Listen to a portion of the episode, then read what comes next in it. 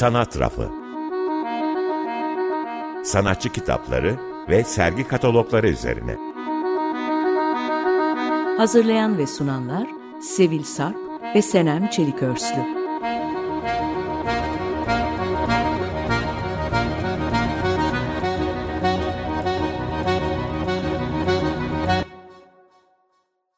Constance Llewellyn. Türkiye'de doğdunuz, Fransa'da büyüdünüz ve İngiltere ile şimdi oturduğunuz Amerika Birleşik Devletleri'nde eğitim gördünüz. Bir röportajda çok sık sorulan ülkeniz neresidir sorusuna vatan zihinde oluşturulmuş bir kavramdır cevabını vermiştiniz. Bunu biraz açar mısınız? Canan Tolo. Doğru. Bu soru nerede olursam olayım, hatta öz yurdum Türkiye'de bile hep karşıma çıkıyor. Belki de bu yapıtlarımın coğrafyayla, manzaralarla, yerlerle ve mekanlarla ilgili olmasındandır. Ayrıca kullandığım malzemelerin çoğu da doğal malzemeler, tuvalde yaşayan ve ölen otlar gibi doğrudan doğruya topraktan gelen maddeler. Benim yapıtlarıma bakan insanlar sık sık coğrafi bir belirleme ihtiyacı duyuyorlar. Bana sık sık şu sorular sorulur. Burada temsil edilen yer neresi? Bu size ne ifade ediyor? Sizin yeriniz neresi? Yapıtın neresindesiniz? Bana kalırsa birden fazla yerde olmayı ve her şeyi birden fazla açıdan ve birkaç yönden bakarak anlamaya çalışmayı tercih ederim. Bence ülke ayaklarınızın bastığı yer. Kültürde bulunduğunuz yere ulaşma yolunda kullan, kazandığınız bir şeydir. Vatan bir düşünüş tarzıdır. Çünkü bu sizin ürettiğiniz bir şeydir. Dilinizden ve köklerinizden bütünüyle bağımsızdır. Gerçekte Dil ve kökler bize en az ait olan şeylerdir. Bunlar ancak ileride biz onları benimsediğimiz zaman, zaman ve belirli bir kültürde işlev sahibi olmak zorunda kaldığımız zaman öğrenmemiz gerektiğinde bir parçamız haline gelirler. Bir ülkede ve haritadaki noktalı çizginin şu ya da bu tarafına doğmuş olmak rastlantısal bir durumdur. Ama işte bütün bunlar kişinin kaderini belirleyen asıl meselelerdir kişinin yaşayacağı hayatta belirli şeylere ulaşmasının mümkün olup olmaması o rastlantısal doğum yerine bağlı kalacaktır. Harita üzerindeki o rastlantısal nokta her kişiye bir tarih ve bir kalıtım aşılar ve tabii kaçınılmaz olarak bu nedenle sempati ya da nefret biçimleri aktarılmış olur. Ama bu duygular genellikle tahmin edilmesi mümkün olmayan uzlaşmaz soyutlamalar ve mitoslardır. Yapıtlarınız çoğunlukla doğal ve kültürel manzaralarla, bazen de daha geniş bir ölçekte, mekan ve coğrafya ile ilgili. Ama hiçbir zaman belirli bir kültürün fiziksel ya da sosyal coğrafyasıyla ilişkili değil. Bunlardan özellikle mi kaçınıyorsunuz? Çalışmalarımın son derece kişisel olmasına rağmen daha geniş siyasal görüşlere eğilmemem de imkansız. Sosyal bir birimin parçası olduğum için Beğensem de beğenmesem de çevremde meydana gelen her şeyden dolaylı olarak sorumluyum. Bu kaçınılmaz. Dünyanın geri kalan kısmının benim seçtiğim temanın dışında kaldığını düşünmek gerçekçi olmaz. Siyasal verilerden yana ya da onlara karşı olduğum zaman kendimi onların bir parçası olmaktan ve sorumlulukları paylaşmaktan alıkoyamam.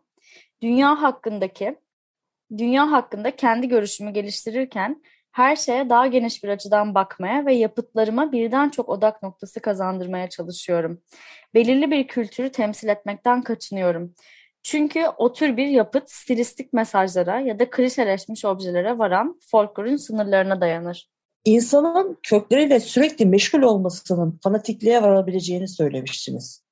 Kendi köklerinizi düşünmeye çok vakit ayırmadığınızı söyleyebiliriz sanırım. Bu tip bir araştırma hiçbir zaman gerekli görmüyorum cüretkar gelebilir ama açıkçası ben insanın köklerinin o kişinin hayatıyla bir ilgisi olduğunu düşünmüyorum. Köklerimiz bizim ne olduğumuzu ve nasıl öyle olduğumuzu tayin etmez.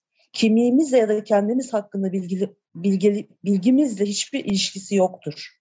Gerçekte kökleri arayışın insana kendisi ve sorumlulukları hakkında özgün bir bakışı geliştirmekten ziyade kaçış imkanı verdiğini düşünüyorum köklerinizin kaynağı, ırkınızın saflık derecesini, kanınızın kirlilik miktarını, ilk çığlığı, çığlığınızın otantikliğini vesaire hesaplama dürtüsü bir tür fanatikliktir.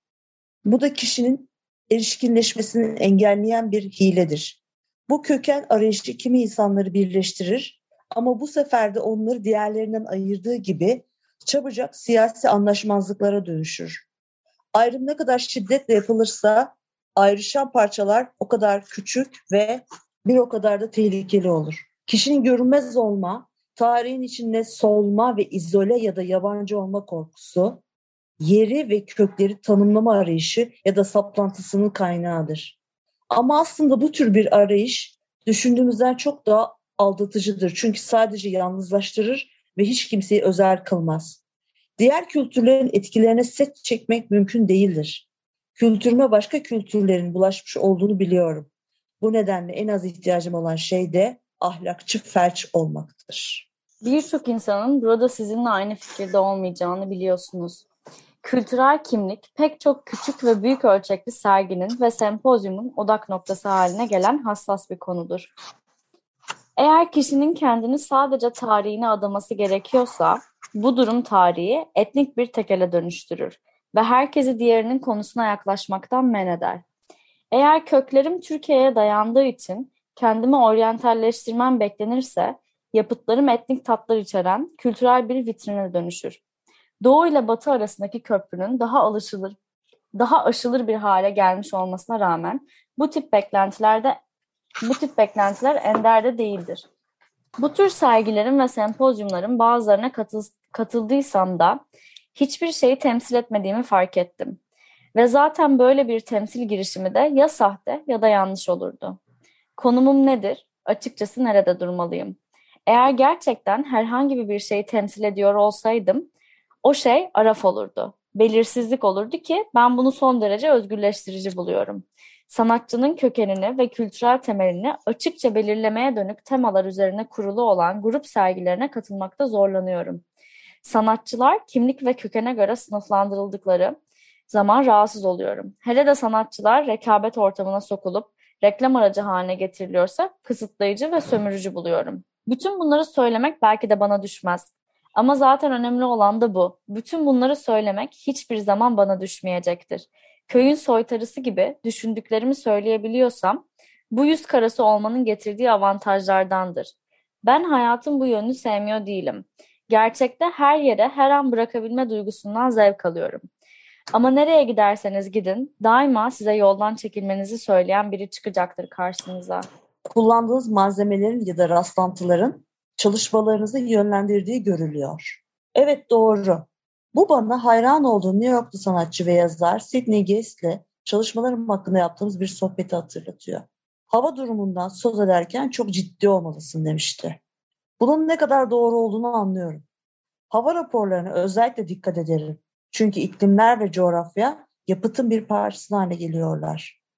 Bu süreçte tuvalin ayaklarla çiğnendiği ve çeşitli değişikliklere uğradığı oluyor. Kuşkuyla dolu bu uzun süreç bazen işkence gibi geliyor. Bazen bir takip, hatta bir çeşit avlanma ve bazen de kağıdın ya da tuvalin beyazında kazı kazama yapmak gibi. Beyazın giderek tahribi ve yıkımı gizli bir şeyin açığa çıkmasını sağlıyor. Nihayet şekil ortaya çıktığında o kadar belirgindir ki sanki çok önceden oradaymış duygusu verir. İş bittiğinde atlayış sonrasındaki sert düşüş gibi nerede olduğum konusunda kafam karışır. Kahve telvesiyle de aynı doğrultuda çalışıyorum. Bu yapıtların yorumu da rastlantısal düzenlemeler üzerine kurulur. Fal bakmak gibi. Evet, geleceği gören biri gibi olmak. Kahve telvesiyle fal bakmanın soyut sanatın en uç noktasındaki yorum olduğunu düşünüyorum.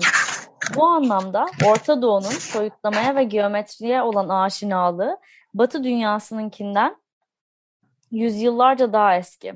Ama geleceği görmek ister kişisel ister global boyutta olsun pek çok öngörü gibi alegorik bir olgudur. Öngörüler rastlantısal olmakla birlikte mutlaka birilerinin çıkarı için yönlendirilirler. Fal genellikle sohbet şeklinde geliştiğinden yapıtlarımdaki diyaloğa imkan veren yaklaşımla örtüşmektedir. Modern sanat sonuçtan çok kullanılan yönteme önem verir. Çalışmalarınızda bunu görüyoruz. Sonuç sizin için ne kadar önemli? Benim için yöntem çok önemli. Sonuç kadar önemli. Çünkü yapıtın içeriği, düşünce ve ilettiği mesaj tamamen bağlı. Sonuç resimleri katmanlar arasında asılan şimdiki zaman dizisinin kaydıdır. Her biri yüzeyin altına gömülmüş heyecanlı anlar içerir. İnişin ne kadar zor olacağını asla bilmeyen bir paraşütçünün hissettiği sarhoşluğa benzer sanırım. Güldürücü, oyalayıcı, eğitici, sarsıcı ya da itici olmayı amaçlayan her yapıt iletişim becerisine bağlıdır. Hepsinin temeldeki amacı baştan çıkarmaktır, çıkartmaktır. Özellikle videoda bilgisayar gibi yüksek teknoloji araçlarını kullanan sanat açıkça iletişimi hedefler. Bu yüzden gittikçe artan sayıda modern sanatçının dikkatini yöntemden çok sonuca yönelttiğini düşünüyorum. Sizce sanat yaratmak bir monolog mu yoksa bir diyalog mu? Başka bir deyişle izleyicinizle iletişiminiz sizi ne kadar ilgilendiriyor? Sanat yaratmak hiç kuşkusuz bir diyalogdur. Öncelikle kendinizle olan diyaloğunuzdur. Daha sonra da sergileme aşamasında diğer insanlarla olan diyaloğunuz başlar. Yapıt gösteriye çıktığı anda iletişimi başlatır.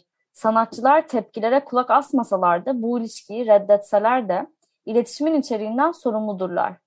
Kişiye düşünme fırsatı veren yapıtları gerçekten ilham verici buluyorum.